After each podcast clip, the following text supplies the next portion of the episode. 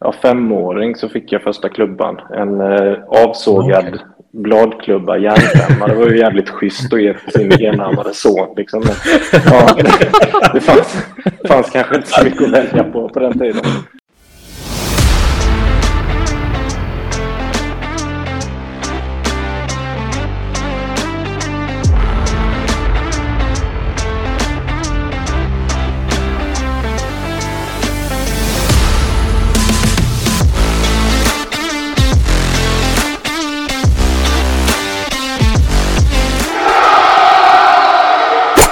Med oss idag har vi en smålänning som blev hallänning men under sin resa som en framträdande golfspelare lyckats få till sig tre VM-titlar. Med oss idag har vi en av Sveriges bästa paragolfare genom tiderna och ja, hans CV det talar för sig själv. Varmt välkommen till Golfens enda podcast. Jag får äntligen välkomna Alexander Hjalmarsson. Tjena, tjena. Tack, tack så mycket. Hur är det med dig? Jo, det är jättebra. Det är jättebra. Eh, julkänslor och allt sånt där härligt som eh, kan råda i de här mörka tiderna. Vart ifrån eh, pratar du just nu? Det var massa år sedan vi pratade sist egentligen. Så, eh... ja, jag är kvar i Halmstad. Ja, du är i Halmstad? Mm. Eh, okay. Ja, så att jag, jag är kvar eh, en liten bit utanför stan. ja, för alla er som eh, inte känner mig så bra så eh, lärde väl känna Alex lite grann under tiden jag pluggade på det som hette då Skol och Golf, men idag heter SGF Elitmiljö. Eh, och du jobbade väl på, var det arena eller var det att du var främst aktiv själv kanske som var, gjorde att vi korsade våra vägar? Ja, men jag gjorde ju mixen där egentligen. Jag var, jag var ju aktiv själv och bara för att liksom kunna vara aktiv och jobba lite grann för att kunna betala hyran så passade jag på då att jobba på golfarenan. Eh, så jag hängde väl med ganska många som gick School of Golf utan att faktiskt gå på linjen. Så jag var en sån liten outlaw som bara hängde löst eh, ute i kretsarna. Liksom. Ja, just det. Precis. Det är väl nu du kommer lite minnen tillbaka, men det stämmer bra. Det finns bara liksom, för alla som inte vet om så um, Alex är, har, hur många titlar under bältet har du på som eh, världens bästa handigolfare? Sådär? Eller vad säger man? Eh, vad det? Tre, tre stycken är det. Eh, och få vara lite mer specifik i och med att det finns lite olika grenar och sådär så, så är det just för enarmade golfare som jag har tre världsmästerskap. Eh, då, 2011, 12 och 13. Så det var gu guldåren. Jag, jag lovade en eh, kompis att inte nämna hans namn för att eh, när jag nämnde att jag skulle vara med här så frågade han du kommer väl inte ta upp att jag hängde med och gick caddy för dig 2014 och förstörde din streak. Så att, eh, han, han, vet vem man är men jag ska inte nämna hans namn. Oh, nice. Ja, vi ska få se om vi kan fiska fram det under dagen. Exakt, det får, det får bli så här pip pip liksom. Så här. Du får säga till oss så får vi pipa ut det. ja, men jag tänker Alex, vi börjar lite grann resan så här att vi, vi pratar om lite grann hur, eh, hur du kom in på golfen i livet och sen så eh, ser vi hur vi hamnar där vi hamnar kring de här VM-titlarna och till mm. vad du gör idag lite grann. Så mm. du får börja hur du känner och vart från där du vill. Ja, nej, men alltså den, den, den kom in ganska tidigt egentligen. Det var ju min ja, som för många andra. Min pappa spelade ju golf på 70-talet någon gång. Eh, sen så började han jobba och blev egenföretagare och han inte med någonting och sen så blev det någonstans där när jag föddes. Jag är född 87 och jag tror att det var där någonstans i den vevan som han började ta upp golfen igen. Eh, och började spela och vi, vi bodde ju då i, jag är född och uppvuxen i Småland egentligen. Men så hade vi ju då sommarstuga i, i Haverdal utanför Halmstad, eh, ganska nära golfbanan. Så vi hängde ju på, på golfbanan redan som ja, femåring så fick jag första klubban. En eh, avsågad okay. bladklubba, järnfemma. Det var ju jävligt schysst att ge sin enarmade son. Liksom. Men, ja, det fanns, fanns kanske inte så mycket att välja på på den tiden. Eh, så att, eh, ja, men eh, på den vägen var det liksom. Och sen tog jag väl grönt kort när jag var åtta tror jag. Eh, men ärligt talat så tyckte jag inte det var så jävla kul förrän jag blev 14 egentligen för att jag, jag slog så himla kort som liten. Ah. Vara Eh, bra och- och, det, Ja, men precis. Det, det, det var ju kanske en direkt förklaring. Liksom att ja, men jag var liten och slog med en arm. Det går inte att slå så jävla långt. Liksom. Men sen när man blev 14 och började nå in på två på ett par fyra. Då helt plötsligt så blev det, här, ja, det blev mycket roligare helt enkelt. Ja, men det förstår jag. Men liksom att tänka att ha de här åren där du gick från mellan 8 och 14. Är det, var det just längden som gjorde att du eh, kände det var jobbigt? Eh, Men vad, eller vad var det som höll dig kvar då? Var det vännerna på golfklubben eller var det samma gäng som du spelade fotboll med också under sommaren som spelade golf? Eller hur, hur såg den till? Nej, det var egentligen bara familjen. Alltså att vi alla spelade och vi, vi åkte bort och Havre är så pass bra så att du kan gå ut och spela fyra hål om du vill. Eh, Du kan spela Ja, nio hål och du kan spela 18. Så vi var ju ganska ofta borta och bara körde liksom fyra hål innan kvällsmat och, och sådär. Eh, och ja, det, alla skulle med så var det liksom bara. Eh, sen hade jag väl egentligen ingen kompis som spelade golf. Det, det har nog också lite med det att göra. Det har jag inte ens tänkt på förrän nu. Men någonstans där i 14-15 års åldern så fick jag min, mina första golfkompisar också. Och, och då blev det ju en helt annan sak. Då blev det ju den här gemenskapen och... Hänget och, där ute. Och... Ja, men exakt. Hänget där man liksom gick och spelade chippade för en, eh, en glass liksom och sådana här grejer. Så att, eh, det, det, det kom in i bilden och då blev det ju mycket roligare helt plötsligt.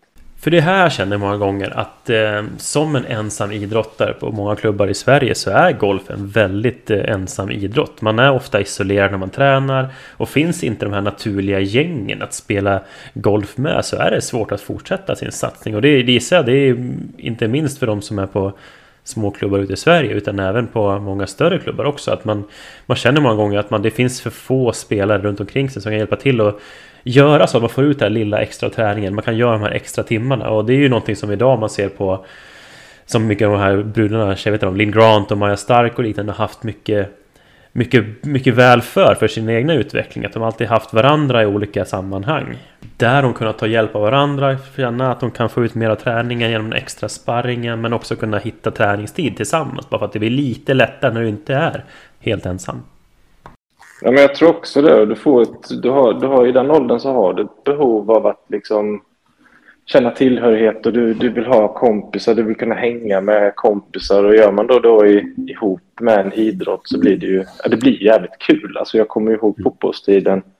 Det var ju helt fantastiskt när man liksom hängde på träningar och hängde efter träningar och sådär, åkte på cup och sånt. Och det fick man ju med golfen där sen också. Eh, och sen är det väl också i, någonstans i den åldern där man börjar tänka lite mer seriöst på det man gör. Att man Mm. tänker att ska jag bli bra på någonting så kanske jag inte kan hålla på med hur mycket som helst på samma gång. För det tar tid.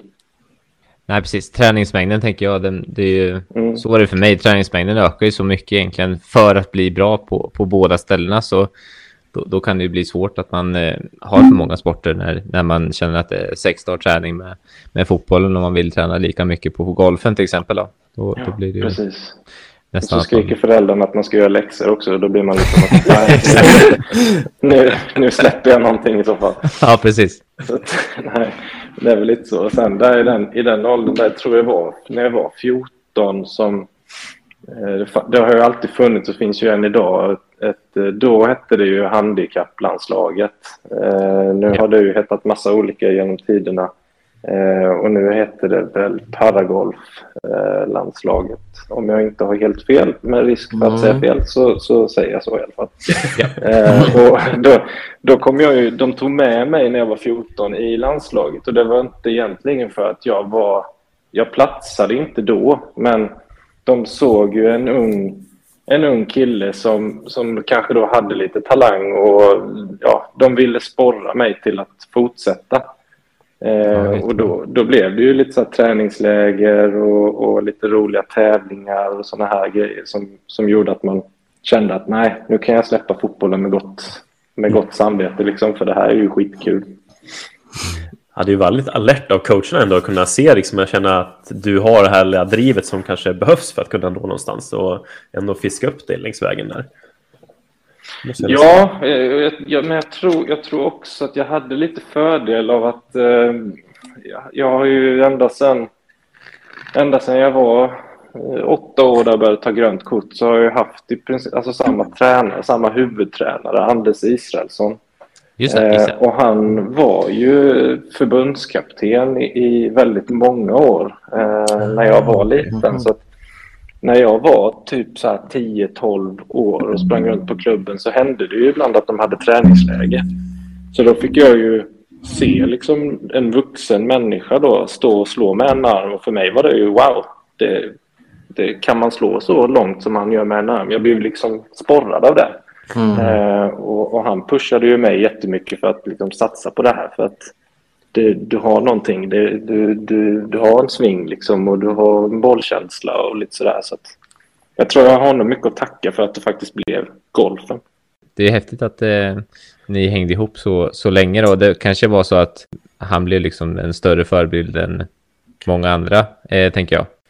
Ja, i och med att han var prov på Haverdal och jag spelade på Haverdal och jag fick alla mina kompisar alltså genom golfen genom Haverdal. Så han var ju med på träningsläger och sådana här bitar. Så att han visste ju också hur en enarmad sving skulle tränas på något sätt. Även om alla eh, individuella i, alltså tar du två stycken olika tvåarmade spelare så svingar de inte likadant. Men det Nej. kan vara mycket svårare bara för att det är så ovant att se någon med en arm. Så att jag hade ju lite fördel där av att han faktiskt hade erfarenheten av att träna olika folk som har olika mycket kroppsdelar om man säger så. Så det, det, var, det var ju en jävla fördel. Han visste ju hur man kunde anpassa sig och sådär efter, efter sin fysiska förmåga. Ja, precis. Såklart. Vem är, och, eller var din största förebild när du spelar golf? När jag var liten eller egentligen, vad tänker du? Ja, men jag tänker liksom eh, ja, liten och när du liksom var fullvuxen, Alltså, om man säger så. när, jag, när jag var liten, det, jag hade ju egentligen ingen förebild som inom liksom handikapplandslaget sådär. Eh, det är klart att det alltid fanns en sporre att det finns en kille som är fortfarande aktiv idag och han är fortfarande, han är jävligt vass fortfarande och spelar ju fortfarande för landslaget eh, som heter Marcus Malo. Mm. Eh, och han var ju en sån, så jag var, jag var ju ganska ung när jag träffade honom första gången och han hade vunnit British Open för amputerade och lite sådana grejer. Och det, det blev ju en jävla sporre liksom.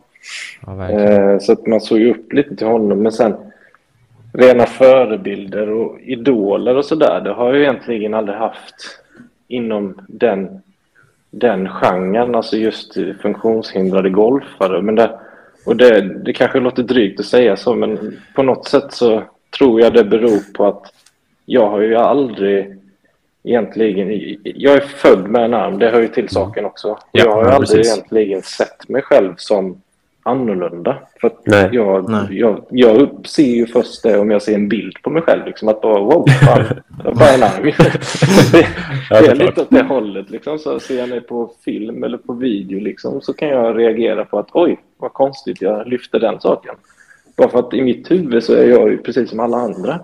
Ja, Eh, så, så därför så var ju liksom förebilder sådana som, ja, som alla andra hade egentligen. Typ John Daly var ju jävligt cool när man var liten. Ja, ja, exakt. Och- Långhitter liksom. Och sen har Tiger kommande Ja. upp bredvid. Är så bra. Ja, exakt. Det var, det var ju de, de typerna liksom som, eh, som man såg upp till. Men om vi går framåt lite i karriären. Hur, eh, hur såg det ut kring gymnasiet och sen åren efter gymnasiet precis där? Var det, hur pluggade du någonstans eh, med golfinriktning? Eller hur var det på den tiden du gick gymnasiet? Jag var ju inne på det. Eh, Jag gick ju gymnasiet 2003 till 2006. Mm. Och då var jag ju inne ett tag på att jag skulle eh, söka till något sånt här eh, i Perstorp till exempel, tror jag det var som jag var lite sugen på. Eh, sen vet jag inte riktigt vad det var. Jag tror det var ren bekvämlighet att slippa då liksom flytta, bo själv, skaffa lägenhet, den här biten. Ja, det är stora steg för Eh, liksom att vara ja, 16 år. men precis. Så släppa alla polare och flytta någon annanstans. Och, och så där. Så att, eh, men då fanns det... Jag gick gymnasiet i Gislaved då, för det ligger precis utanför Anderstorp. Eh, och då hade de så att man kunde gå en helt vanlig eh, samhällslinje med inriktning på företagsekonomi med specialidrott golf.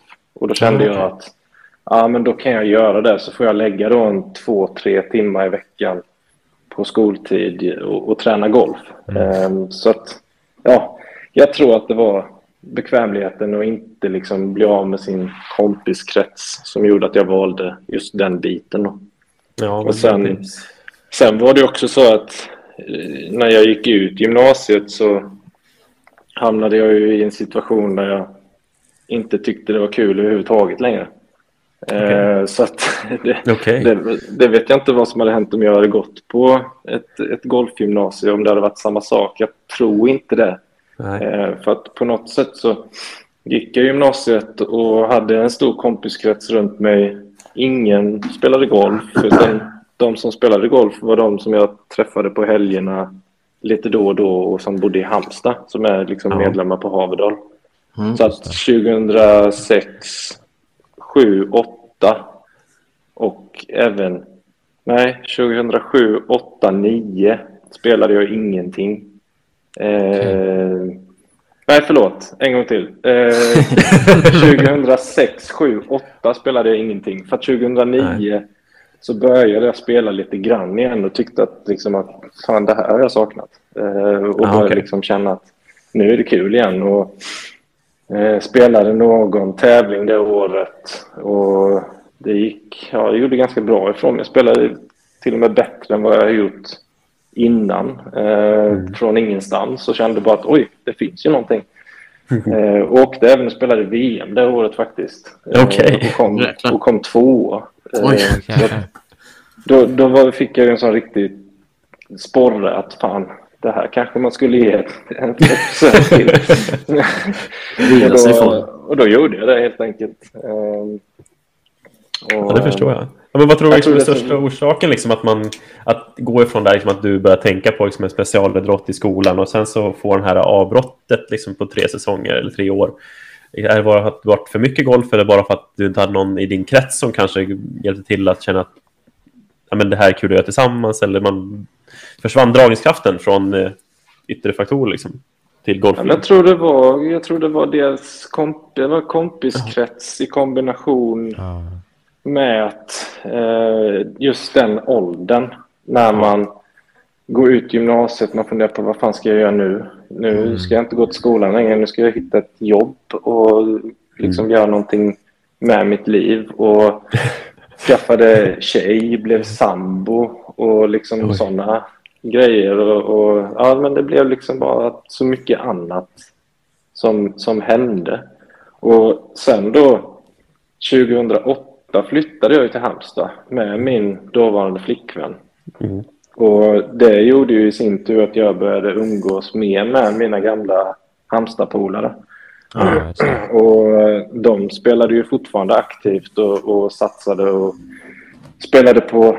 Ja, de, vissa spelade på Nordea, vissa liksom var så där de körde mycket eh, minitoren. Och, men det var ju mycket golf. Eh, och det i sin tur gjorde ju att man drogs tillbaka på något sätt mm. in i det och kände att fan, det här är jävligt roligt. När man lyssnar på det så är det ju liksom hur viktigt det är att ha, ha sin lilla krets som man tränar tillsammans med. Och jag tänker när du la av där, var det liksom någonting som blev skillnad med landslaget eller hade, var du alltid med i liksom landslagssvängarna där? Eh, eller liksom var det någonting som dog ut där som också skapade liksom mer effekter till att du plötsligt la av ett tag? Nej, alltså jag blev ju...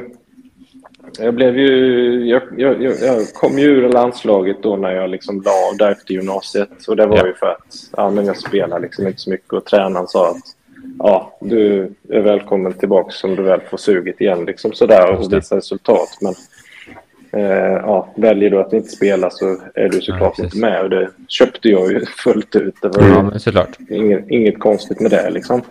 Eh, men det kan nog ligga lite i, i, i det ni säger, liksom att viktigt att ha den där eh, kretsen runt sig och, och gemenskapen. Och, för att det är ju ingen lagidrott egentligen, men det kan bli väldigt ensamt i sådana här individuella sporter. Och har man då inte mhm. liksom ett tränings gäng som man hänger med, då kan det ibland vara lätt att tappa motivationen tror jag.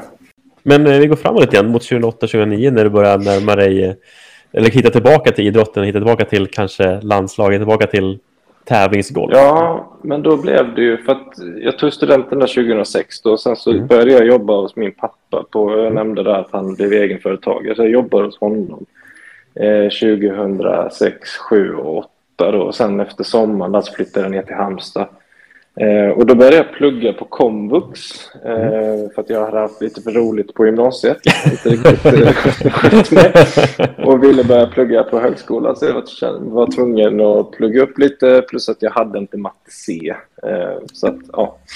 så då började jag plugga och sökte jag sen då till, till högskolan och i den vevan så blev det ju en, mer och mer golf hela tiden egentligen. Så jag började plugga 2009 måste det varit då har man ju rätt så mycket tid. Alltså du kan ju plugga sent på kvällen, du har dina föreläsningar men du har ändå ganska mycket tid på dygnet där du kan spela mm. golf. Mm. Absolut.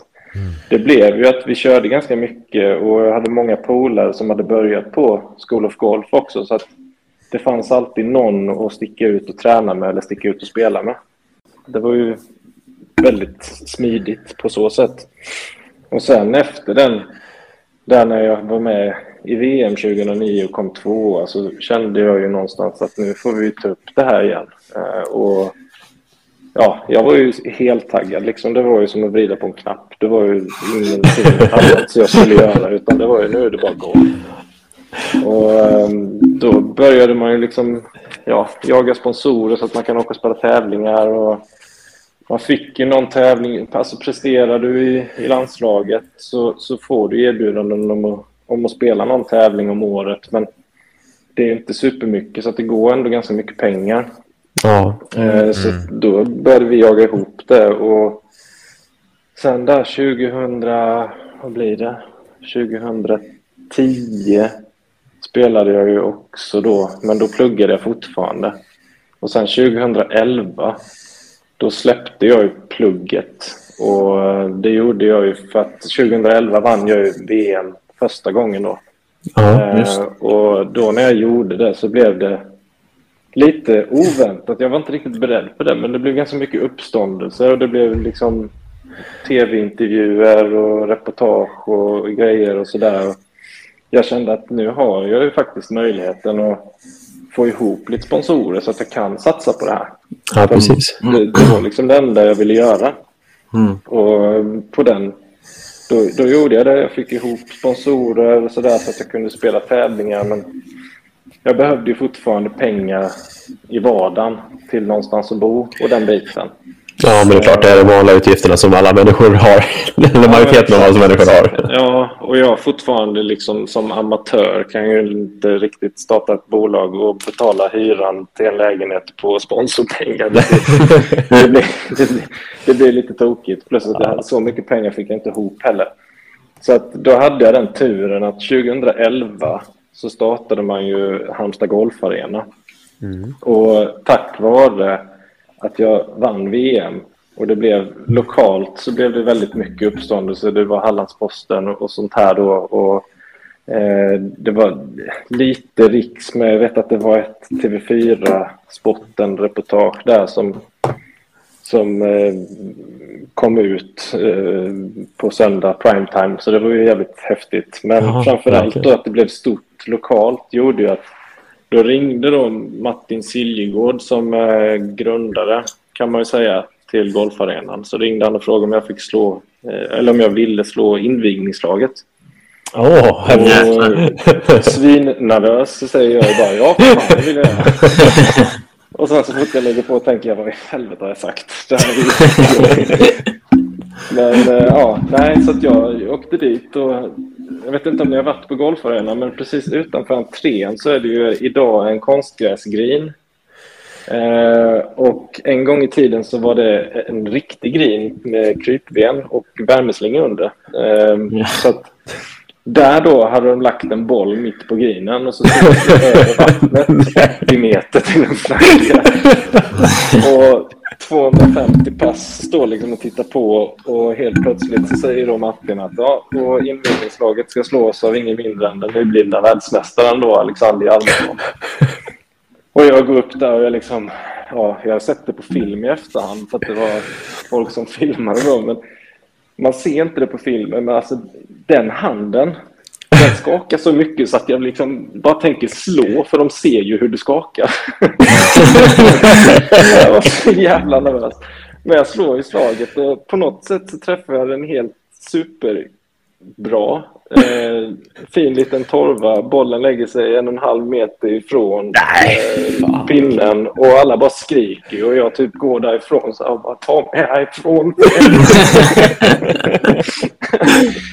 så att, eh, en liten kul anekdot. Men det, det, det i sin tur gjorde att sen när jag väl började söka jobb eller så här, började hitta någonting jag kunde jobba med lite halvtid eller lite timmar och sådär. Så Ja. sa ju Martin till mig, till mig att "Men vad fan, kom till oss och jobba då. Och jag svarade med att jaha, eh, ja gärna. Han bara ja, vi ses på tisdag. Okej.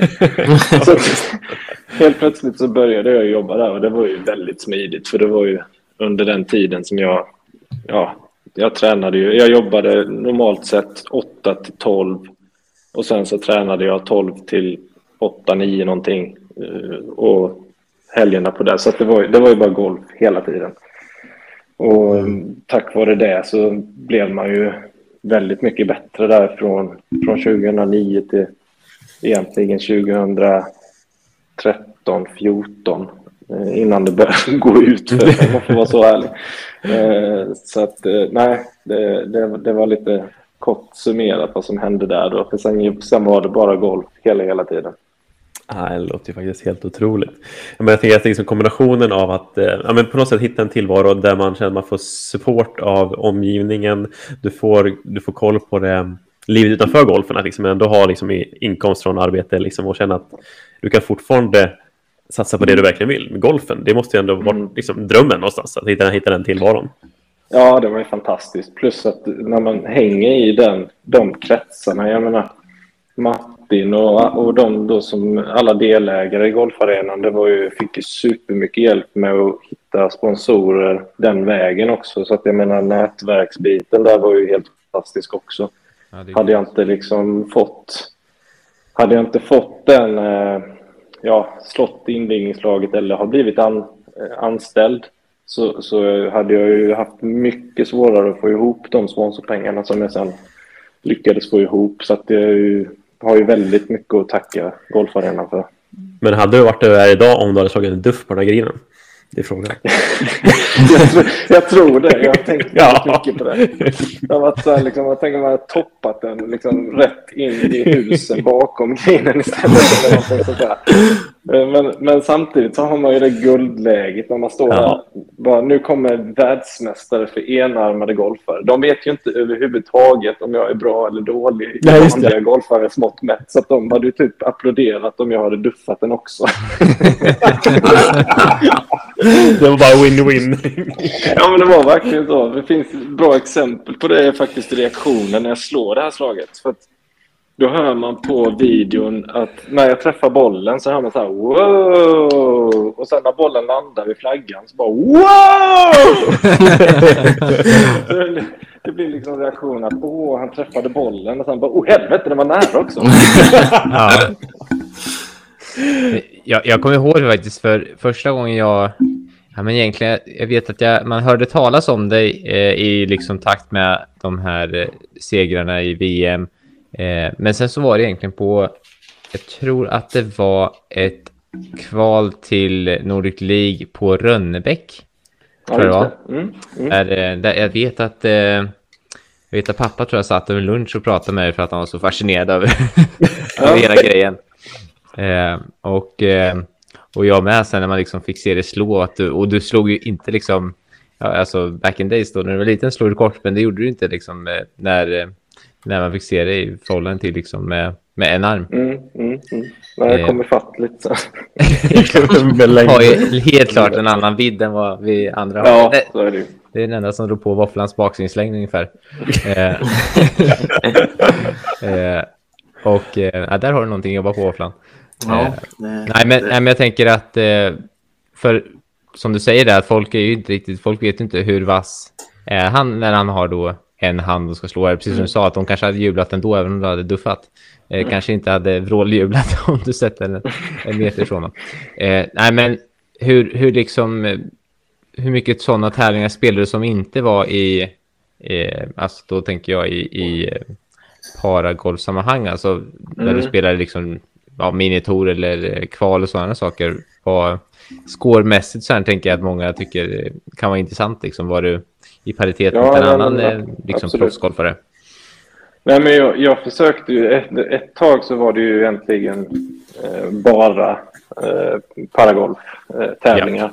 Eh, och, och sen så hade jag ju hela tiden målet att ta mig ut på Nordea Tour. Det vet inte jag ens om det heter idag. Det gör det inte. Nej. Nej, då är det more golf. Mastercard Tour. men Det är väl... Lite, lite, Eller lite utanför. Har kortare. ni en avdankad golfare? Telia-touren då? Nej, men eh, det var, det var ju hela tiden mitt mål. Eh, och jag, jag spelade ju en del minitour. Jag var ofta uppe och spelade i US Open. Alltså Jo. Just det, jo ja. Eh, och, nej, men alltså, jag gjorde väl aldrig några placeringar egentligen på, på någon av de här tävlingarna sådär. Eh, jag vet att jag sköt, ja, alltså, jo har jag väl som bäst när jag skjutit typ 80, 80, alltså sådär. Jag har alltid haft jävligt svårt för att putta på jo, jag tycker den är svår alltså.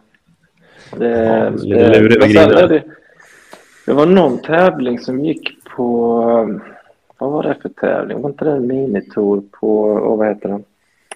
I Skåne, Abbekås. Ja, Ja, precis. Säsongstart ju.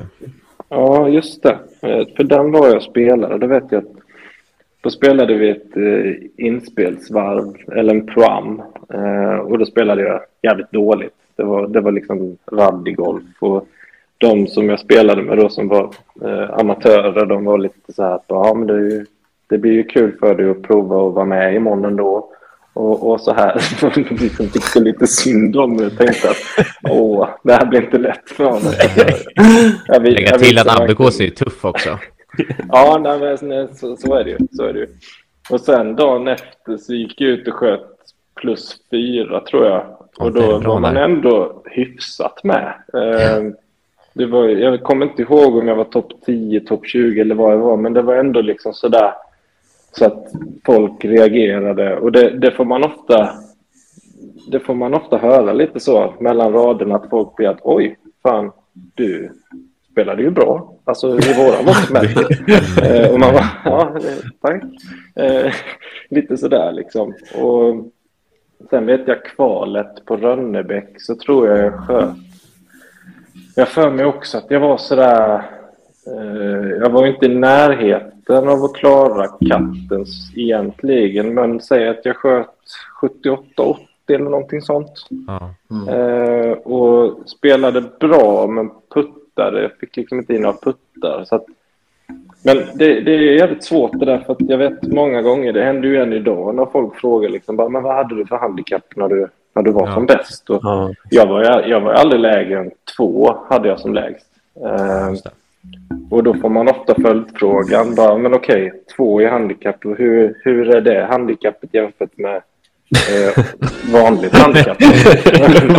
Jag liksom så nej, det, det är golfhandikapp. Så att det är samma sak. Så bara, ja okej, men gul 10 eller är det röd 10? Och Nej, det är gul.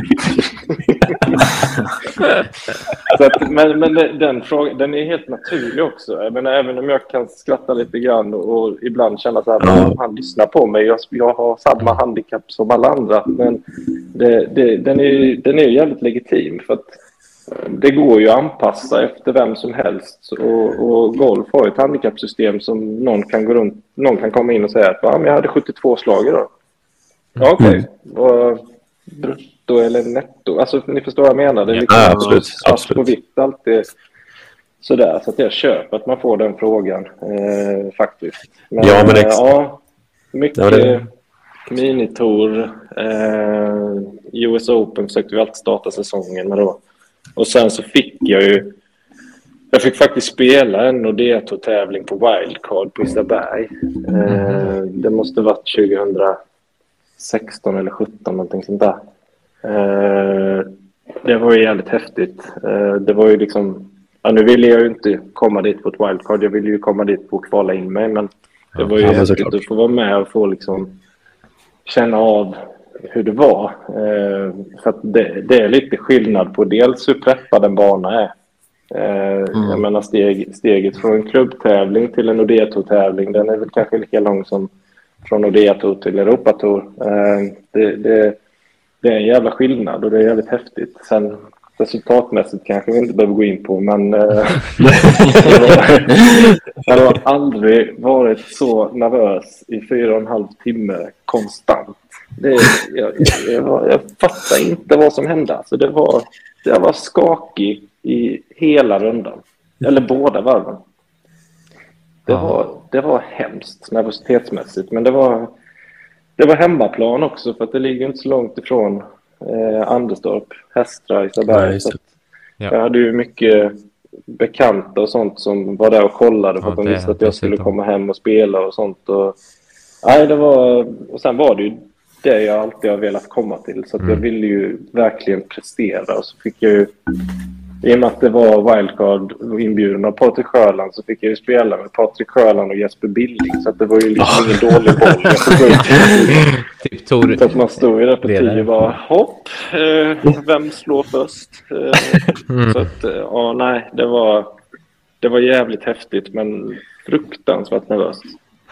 Det har jag nog aldrig känt på en golfbana innan. Den, den nervositeten. Ja, men jag tänker, du har ju spelat VM och jag vet inte hur många VM har du spelat? Jag har spelat 2009, 10, 11, 12, 13, 14 och 15. Det är några stycken Så- kan man ju säga. Ja, det blir några stycken. Men jag tänker, vilket var det roligaste och liksom coolaste VM du har spelat?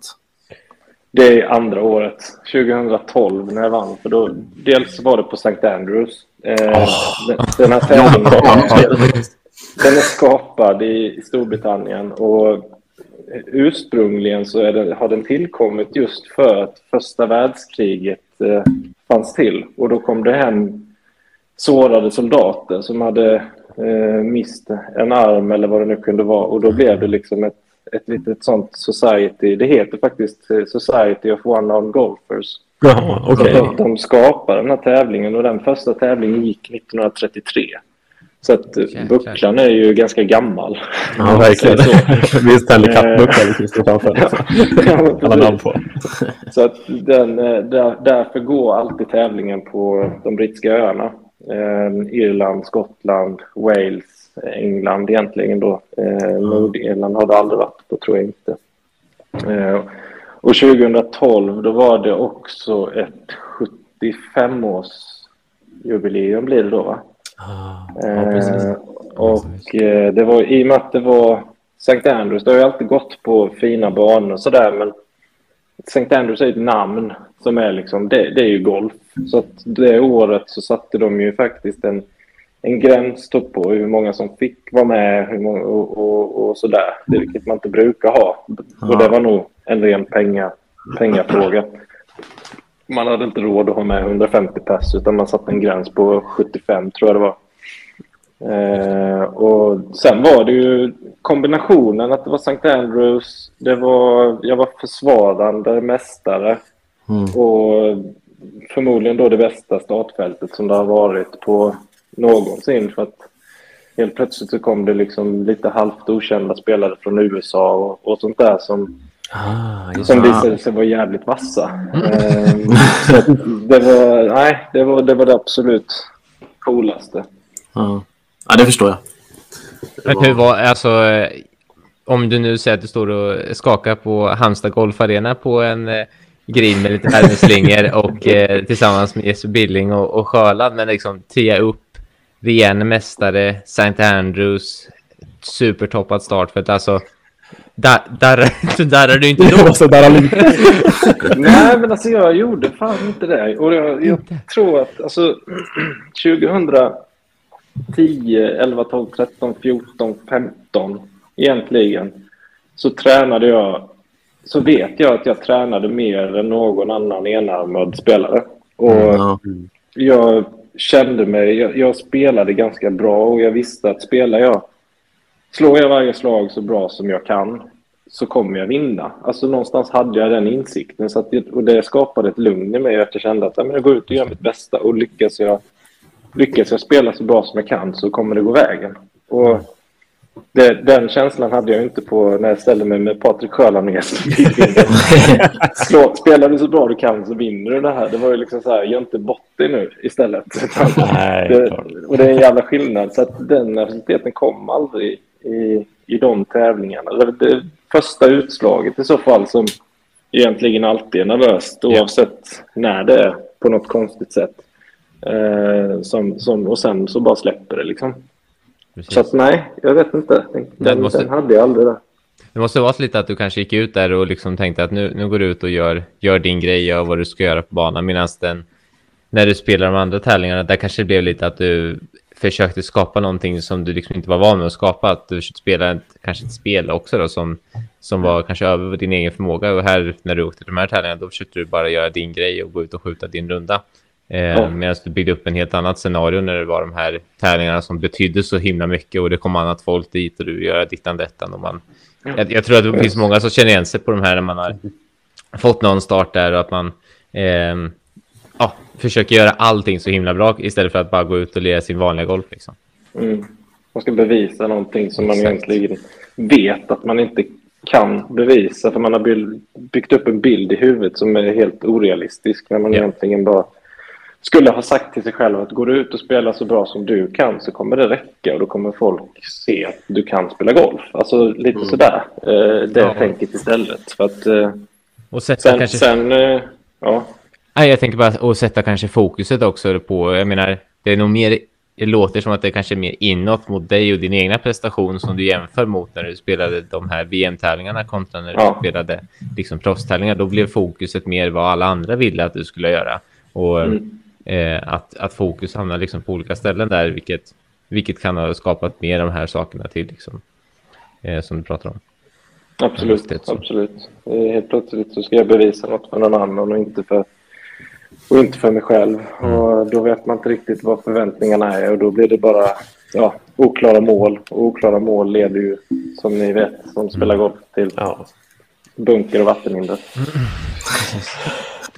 Men om man tar, eh, alltså VM, eh, St. Andrews var ju, låter ju helt galet eh, coolt liksom. Men vad, vad skulle du säga är det häftigaste, vad ska jag säga, minnet? Finns någon, nu tänker jag, ja men absolut, jag fattar ju att vinna på St. Andrews, det är ju du och Cam Smith här nu, det är jubileumsår och grejer. Det, är- det är liksom en ganska liten skara, det är sjukt coolt. Men eh, finns det annan liksom häftig sak som har hänt på de här eh, tävlingarna?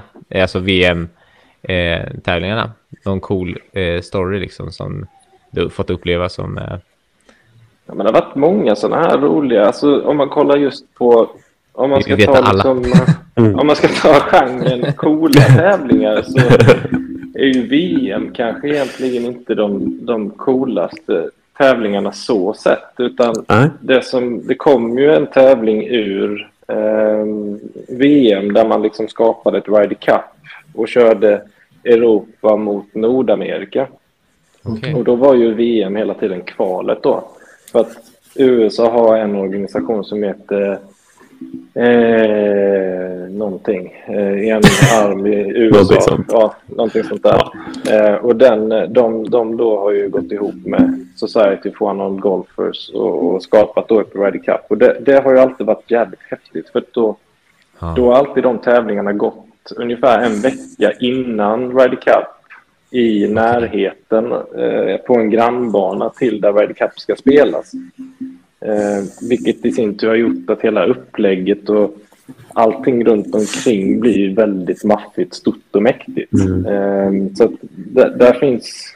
Eh, USA-tävlingarna är ju egentligen de, de coolaste tävlingarna, om man, om man säger så. Ja. Eh, men det, är- det är lite så det är. I USA, då ska allt vara stort och Ja, men såklart. Det ingår. och sådär. Liksom. Så att, eh, ja, det, de är nog coolast. Men jag kan inte riktigt komma på någon sån här specifik Nej. Nej. cool händelse. Det är ju liksom de här... rundvandring på Celtic Manor när de precis har satt upp banan och bara någon dag ifrån att de ska börja spela när vi har spöat USA precis på en grannbana. Det, det är jävligt häftigt att gå runt där och känna att ja, nu har vi gjort vårt, nu får ni sköta ert. Skicka sms till Wars. Du bara, ja men du, dags att du levererar. Nu har jag gjort mitt. Duffa den där chippen nu, Mayhem. Ja, magiskt alltså. Men tävlar du någon, hade ni liksom någonstans tävlingar mellan discipliner? För det finns ju olika, som du sa, olika discipliner för olika vilken typ av kanske nedsättning man har. Tävlar ni någonstans Mm. tillsammans också vissa tävlingar eller var det alltid just att det är närmare med Ja, det- eller Det är egentligen det vanligaste är ju egentligen att man tävlar mot alla möjliga funktionshinder. Eh, Ja. Det här just enarmade, VM för enarmade är ju rätt unik, eller den är ju egentligen unik skulle jag säga. Där man, eh, ja, där man kommer dit och då ska alla slag slås med en arm och du måste ha ett funktionshinder som gör att du, måste okej. an- att du bara kan använda en arm. Tiger kan liksom inte åka dit och säga att här, nu kör jag med högerarmen bara. An- Annars är ju alla andra tävlingar i, i handigolfen eller i paragolfen, då är det ju alla möter alla. Så att jag en Ah, okej. möter någon som har ett ben eller Ja, okej. någon som, eh, ja, vad det nu kan vara liksom. Så att det är ju det vanligaste. Och då, då är det ju också, då är det också svårare för en sån som mig. För att möter jag en kille som saknar, är amputerad från knät neråt på ena benet, då har han ju lite bättre förutsättningar på att bli bra på golf än, än vad jag har. Eh, så att de tävlingarna är ju egentligen de, de svåraste. Och där, mäter jag mina tävlingar i, i rangordning så har jag ju en tävling som jag egentligen klassar som den tävlingen jag har spelat bäst i och då, då kom jag ju tvåa eh, och det har jag väl lite att tacka för att det blev en runda för sen blev det frost och inställt. Och eh, sen vet man ju aldrig om det hade blivit 36 eller 54 hål då. Eh, men eh, ja, då var det på, i Paris på eh, National eh, 2012 tror jag det var. Då var det French Open och då är det ju alla, alla möjliga som är med. Okej. Eh, och han som vann har ju liksom plus tre i handikapp. Och jag spelade svinbra och banan är fruktansvärt svår. Eh, jag sköt 70, 78 vet jag. Och jag var så jävla nöjd med det för att jag liksom... Jag, jag, kunde, jag kunde inte göra bättre på den banan. Att det var by far den svåraste banan jag någonsin har spelat. Ja. Eh, Ja. och, och den tävlingen är ju ingenting som någon reagerar på. Men för mig som vet svårighetsgraden så är det egentligen den tävlingen som jag rangordnar högst eh, prestationsmässigt. Ja. det. I det fältet och med de, de omständigheterna så att säga. Ja, precis. Men under de här tävlingarna, åkte du alltså, åkte ni tillsammans i landslaget då? Liksom, så det var en grupp som åkte tillsammans eller var det fortfarande det här att du fick lov att ordna allting ensam? Eller kunde ni för exempel gå ihop fem killar som man gör på tourerna ungefär och sen resa ihop? Och bo Ja, men det var lite blandat. Vissa... Var det så att man var uttagen av landslaget till att åka och spela en tävling, då, då åkte vi ju oftast med tränare också, med landslagscoach. Eh, Daniel Stark på den tiden och även fortfarande Daniel Stark. Eh, då åkte vi ju ofta tillsammans och bodde ihop och tränade ihop och sådär. Sen, sen i och med att man fick ihop lite sponsorpengar så kunde man ju åka på en hel del eh, ensam. Eh, och ibland så teamade man upp med någon för man visste att det var någon annan som skulle åka. Och, ja, det var lite blandat. Ibland hade man med sig en kompis som skulle gå caddy. Och, eh, ja, eh, lite, Ja, lite, lite blandat. blandat. Det är nog ganska likt egentligen om, om man jämför med hur, hur alla andra har Ja, haft precis. eller har det. Det är liknande som sagt, jag förstår. Men eh, du måste ha lite roliga historier från de här resorna också gissar jag. Jag, vet, jag har något minnen, eller så svaga minnen från vissa stories som berättar om att ni har åkt ihop och, och tagit någon bira efter någon, eh, någon tävling eller runda. Ni har spelat klart på, på någon tävling tillsammans. Sådär. Vi dricker ju aldrig golf i samband med golf. Eh, eh, Så att det är väldigt försiktigt. Nej, skäms inte. Eh, Det finns en ganska rolig historia faktiskt. eh, Med, USA eh, är ju... USA är ju USA eh, och deras eh, tävlingsregler är inte riktigt som våra regler är i Europa. Eh, och detta var 2000... Säg att det var 2014. Jo, 2014 var det. Eh, då var vi i Louisville i eh, Kentucky, typ Tennessee, där någonstans. Eh, och spelade en tävling. Och då var det amerikanska mästerskapet för enarmade. Så att det var, det var liksom inte VM utan det var USAs mästerskap. Eh, och då fick jag nys om den och så kände jag att men här är en del namn som jag liksom inte har stött på innan. Eh, så den, den vill jag faktiskt testa och åka och spela. Eh, och första rundorna så får man ju alltid spela, då är det liksom kval. Så att då kan man få spela med vem som helst. Det blir inte sidad eller någonting sånt där. Okej. Eh, kvaliteten på spelare är verkligen högt och lågt. Det finns vissa som åker dit och har typ 25 i handikapp och gör det för att få träffa andra enarmade golfare, vilket är skitfint. För det blir en jävligt stor gemenskap och alla är som en stor Ja. familj. Liksom. Mm. Men de kanske inte riktigt tar det på likadant allvar som en annan gör. De har lagt ner liksom 30 000 på att spela den här tävlingen. Eh, så då vet jag i alla fall att... eh, men det, det var ju ingenting som jag visste egentligen. eh, att, att det var så. Utan jag tänkte liksom att ja, men alla är här för att vinna. Och sådär. så vi spelade. Vi var i USA. Alla har ju golfbil i USA också. För att det var ju liksom... Ja, nej. Nu har vi golfbil och så är det. Alla åker bil. Ja, sådana är reglerna liksom. Och jag är alltid lite lat av mig så att jag var inte så ledsen. Så det var ju skitnice. Eh, så vi, och vi spelade och spelade. Sen någonstans på sista nio, typ när vi kom på 15, 16 eller någonting sånt där.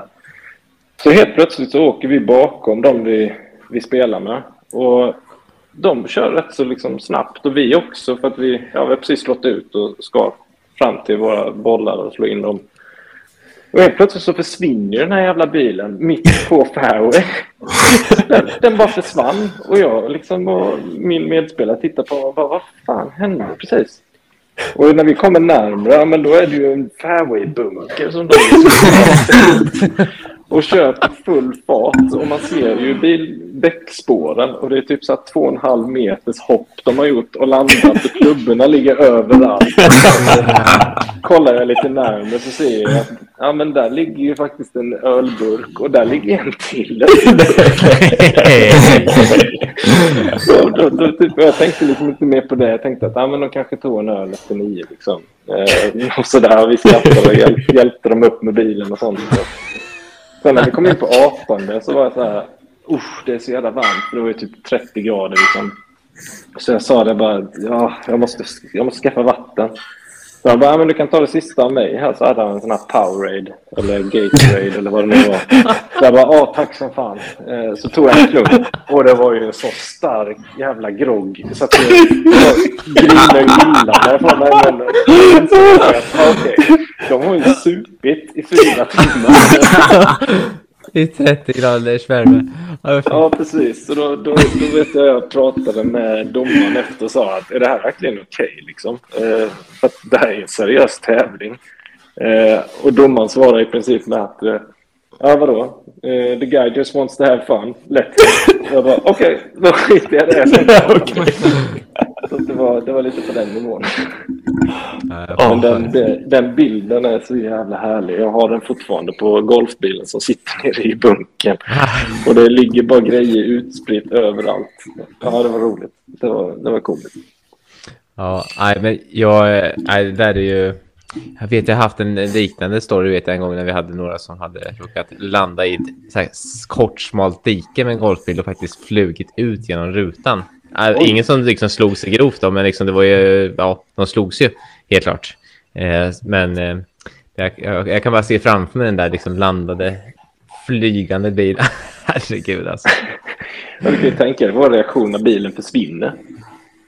Ja, verkligen. Dyker ner över horisonten där. Ja, man såg verkligen inte bunkern. Så helt plötsligt bara golfbilen bara försvann. Bara, Ja, jag. Jag tänkte USA och raviner här när jag sa innan du berättade om bunker. Jag trodde jag skulle dra världens tragiska historia. Ja, de dog ju allihopa. Var det, ja, Berätta något kul. nej, men jag, jag måste ju halka in eh, som, eh, som den, eh, vad ska jag säga, inte, jag är inte äldst i gänget, men jag är äldst eh, tränarmässigt i gänget. Eh, flest år som tränare. Jag måste ju få eh, liksom svingmässigt, eh, om vi hoppar in på den enarmade svingen. Hur, eh, vad, vad hade du liksom för tendenser? Hade du, tyckte du att du hade, ha, tycker du att man har en typisk tendens? Nu spelar du höger, eh, högerhänt, eh, höger, högerhänt golfare, eller hur? Kan man ju säga. Ja, precis. Eh, ja, men precis. Eh, och eh, tyckte du att du hade en typ av tendens till liksom, ja, men bollen tenderar att röra sig mer till höger, mer till vänster eller någonting som du fick jobba eller liksom kämpa med mycket under eh, Ja. åren som terrors? Det var ingen, det var ingen tvekan där, hörde du. Eh, det var eh, hook. Alltså framförallt med, med långa klubbor så hade jag tendens att missa jag så missade jag vänster. Det var Ja. liksom... Jag, jag kunde slå en fade när jag verkligen ansträngde mig. Men det var, det var liksom en, en drå naturligt och missen var för mycket drå. Eh, så, så var det nästan, nästan hela tiden egentligen från att jag var, från att jag var liten. Och jag vet inte vad, vad det beror på egentligen, men ja. Ja, men mycket kan väl bero på att jag menar, dels en av dina, liksom, du måste ju få mycket speed ifrån, ja men dels från arm, tänker jag, eh, Mm. och liksom försöka skapa en del, men vissa andra, liksom två händer kan vi ju hålla slagen lite på annat sätt. Du behövde ju få en del speed genom att använda det för mig, att jag sett liksom svingen, att jag kan se framför mig lite hur det blir liksom väldigt mycket av den högerarmen som liksom jobbar sig ut Mm. mot jobbar sig ut mot boll och då blir det ju väldigt mycket av eh, liksom bladrotation och att eh, bladet kan liksom sluta sig snabbt. Eh, och försöker man motverka det kan det ju rent av komma ut en, liksom en blockpush liksom på det. Mm. Eh, så att, eh, ja men den Nej, men är, absolut, så var det ju. Och jag ville ju liksom, i och med att jag, jag slog ju kanske, alltså i, i mina kretsar i, i liksom paragolfen så slog Mm. ju inte jag kort, utan då var det ju snarare att man kanske till och med slog, inte Längre. längst, men i alla fall bland de längre eh, under perioder. Men jag spelade ju liksom 75 procent av tiden jag spelade golf så spelade jag ju med mina kompisar som, som ja, antingen spelade på Nordea Tour eller. Var på väg ut där eller var på väg mot eh, Europa. Alltså School of Golf och det här liksom. Och då var det ju vissa som slog väldigt långt och jag ville ju hänga på. Och blir det då att jag drar på lite extra, ja men då, då sluter jag ju klubbhuvudet för snabbt. Och då, Precis. då blir det ju fel. Så att det var ju kanske min största kamp, just att ta det lugnt och, och acceptera din längd istället. Typ. Ja, precis. Men det, var ju- och sen så får du ju en liten, jag menar, fördel som du får i svingen, det är ju liksom att eh, högerhand, vänsterhand inte liksom kopplar ihop och du, du får ju en, liksom väldigt mycket mer frihet i hur långt armen kan röra sig bakåt Mm, eh, när mm. den andra handen inte sitter fast. Eh, så Mm. liksom både vidd och höjd och eh, baksvingslängd, liksom, det får du ju väldigt enkelt den vägen egentligen då. Sen gäller det ju bara att få styr på det. Då.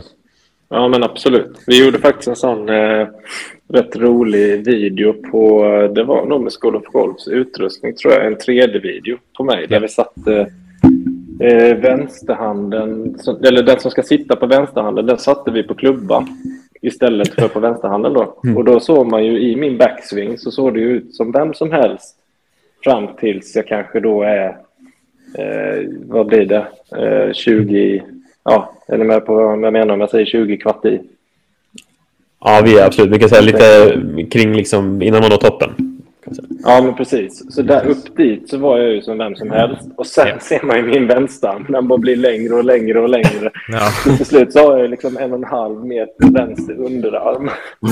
ja, och sen när jag väl roterar igenom så någonstans komp- komprimeras ihop den och blir nästan ingenting alls. Mm. Och sen i finishen så ser det väl hyfsat ut som, som vanligt om man säger så. Men det, det, det var rätt kul att se för att det blir en väldig vidd Och den behöver jag ju kanske då för att ta igen eh, det jag inte får av, av vänsterarmen egentligen.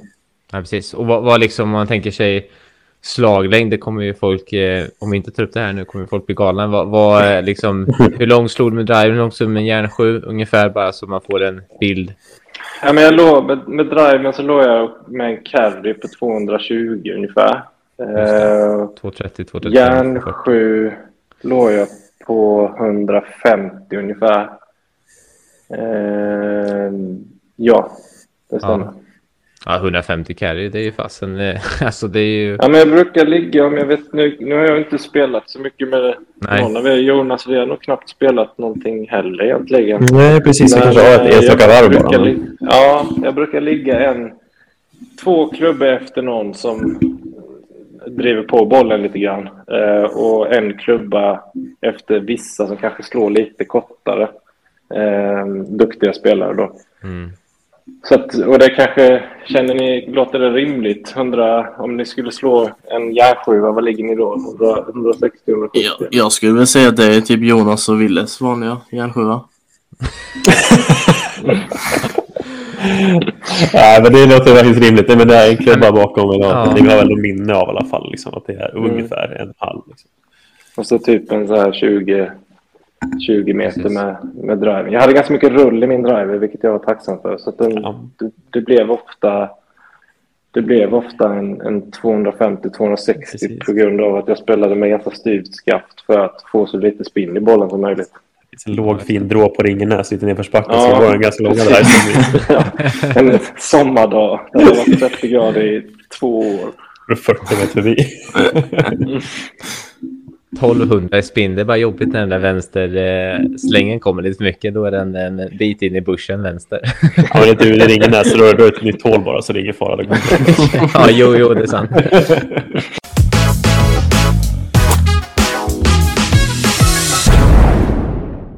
Nej, men eh, jag tänker vi ska, vi ska glida in lite på mina tre snabba. Mm. Eh, och, som vi kallar och eh, då vill jag ha jag vill, jag vill försöka, jag har fått eh, påbackning här, vi försöker att eh, vi får ett så snabbt svar vi bara kan. Sen kan du få Ja. eh, liksom göra en lite längre utläggning om varför du säger vad du säger då.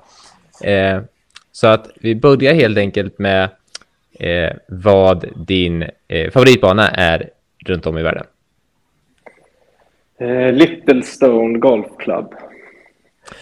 Och där tappar vi 30 000 följare, tänkte jag. Nej, men eh, vi... Ingen har hört. Nu får du utveckla. Ja, får du är ett Tråkigt svar, men det, det, Nej, den nej. första linksbanan jag spelade på sydostkusten ov- ovanför Dover. Eh, vi spelade en landskamp mot, eh, mot England. Eh, och vi spelade den... Dag, våran landskamp började dagen efter man hade haft eh, British Open-kval på banan.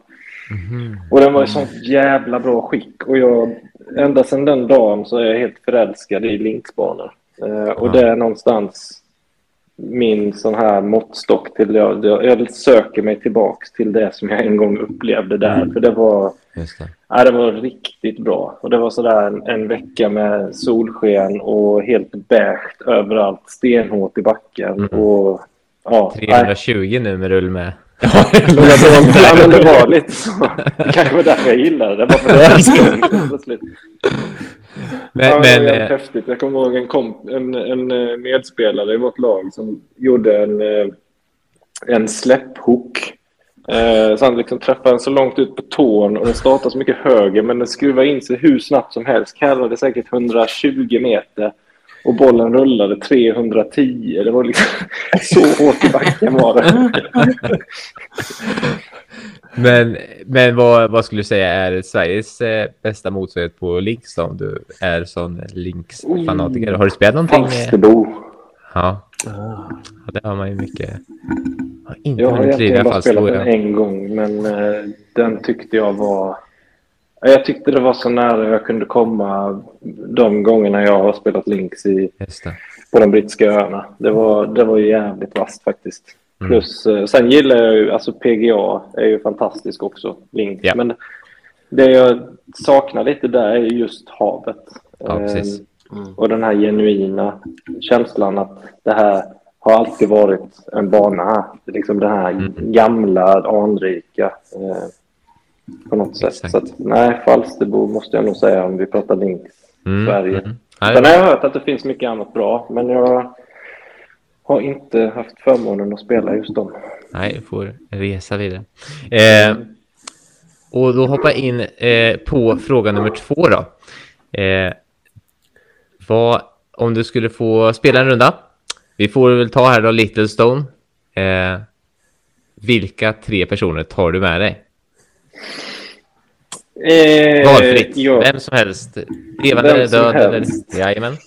Ja, men jag, det är alltså kanske ett tråkigt svar, men jag, jag tar fan med mig Tiger Woods, John Daly och en polare. För jag tror att det blir en riktigt... Alltså man får se bra golf. Du, blir liksom, du får spela med Tiger. Du får en öl av John Daly och, och ta med dig en polare också som du kan liksom dela det här minnet med. Det tror jag blir en jävligt rolig runda. Ja, det, eh, jag gillar faktiskt det här att folk... Eh, det var även Jakob här i förra. Han tog också med sig eh, Tiger, men han tog med sig liksom hela familjen ungefär. Eh, det är ju underbart. Eh, och eh, nu kommer en liten, liten tuffare. Men sista frågan så är det så att du får ja, egentligen ändra, ta bort eller lägga till en golfregel. Oj. Eh, Snabbt också. Out. Ta bort out. Så Är ja. det outen på vänstersidan, högersidan eller båda sidorna? Höger spelar ingen roll. Bort med alla Eller nej, ta bort båda. För jag drog den på första, på utslaget på Isaberg i Nordea. Nordea Tour, så Ettan. drog jag den höger out. Ja. Så ta bort både höger och vänster. Den där ettan, ja, ja, jag kommer ihåg den slutande fairway och den där outen. Ja, liksom, Man vill ju ja, hålla den höger, eller hur? Ja, exakt, och ja, man vill ju bara inte hålla den för mycket höger. Jag har nog fan också någon boll eh, där ute, om jag inte missminner mig fel. Eh, känner igen din nervositet när du säger det. när man är lite oförberedd eh, ung, ung gunnis. Nej, men det var bra tycker jag. Vi tar bort eh, lite outen då på banorna. Då blir det lite mer linksgolf där också. Liksom. Det får vara skit istället för att bollen är Ja, men jag liksom. gillar det. Det där CV Ballesteros-tänket. Att du, du kan lägga bollen var du vill, men så länge man kan spela den så blir det också ganska kul. Det, jag gillar inte när bollen försvinner, utan det är, det är bättre med ett svårt läge i så fall. Ja, men absolut. Det är ju, nej men jag tycker att det, det är gött när man eh, ja, får, får, se, får se banorna och eh, har lite liksom, eh, hinder framför sig. Men att, eh, och att det går att slå boll, eh, liksom det går att sätta bollen i riktig skit liksom. Men det, Mm. eh, jag gillar ju kanske inte, jag tycker det är inte lika häftigt med och kanske inte lika utvecklande för en spelare heller att spela på det här när det blir liksom öppet överallt. Då, Nej, då blir det väldigt annorlunda när man spelar på banor som är lite tuffare just. Mm. Ja. Nej, jag håller med. Det ska ju vara lite, är man sned så ska det ju vara något i vägen, typ. Men gärna lite träd och sånt där så att man får liksom hålla den lågt, skruva den runt och lite den biten. Men just när det när bollen bara försvinner och sådär, det tycker jag är lite, lite tråkigt. Men det, det, är väl, det är väl jag som är där för ofta kanske som, som tycker så. Bara på en sidan. Nej, men det, det håller jag helt med. Liksom. Man ska kunna spela bollen överallt. Men eh, med det sagt i alla fall, Alexander. Vilken, tack för att du ville vara med oss i podden. Vilken eh, otroligt avsnitt med allt från anekdoter till att få höra lite mer om ditt liv och lite insikt kring den här otroliga Little Stone-banan också. Ja, precis. Googla, googla den så kommer Ja, det vi googla. Ja, så med de orden så tack så jättemycket för att du ville vara med i podden och så får vi helt enkelt, vi får ta med dig i framtiden igen för det här känns som att det finns stories på lager. Ja. Jag kommer tillbaka. Tusen tack. Tack så att du Tack. ville. Ja, tack så Tack. jättemycket. Och med de orden så avslutar vi dagens avsnitt av Golfens enda podcast.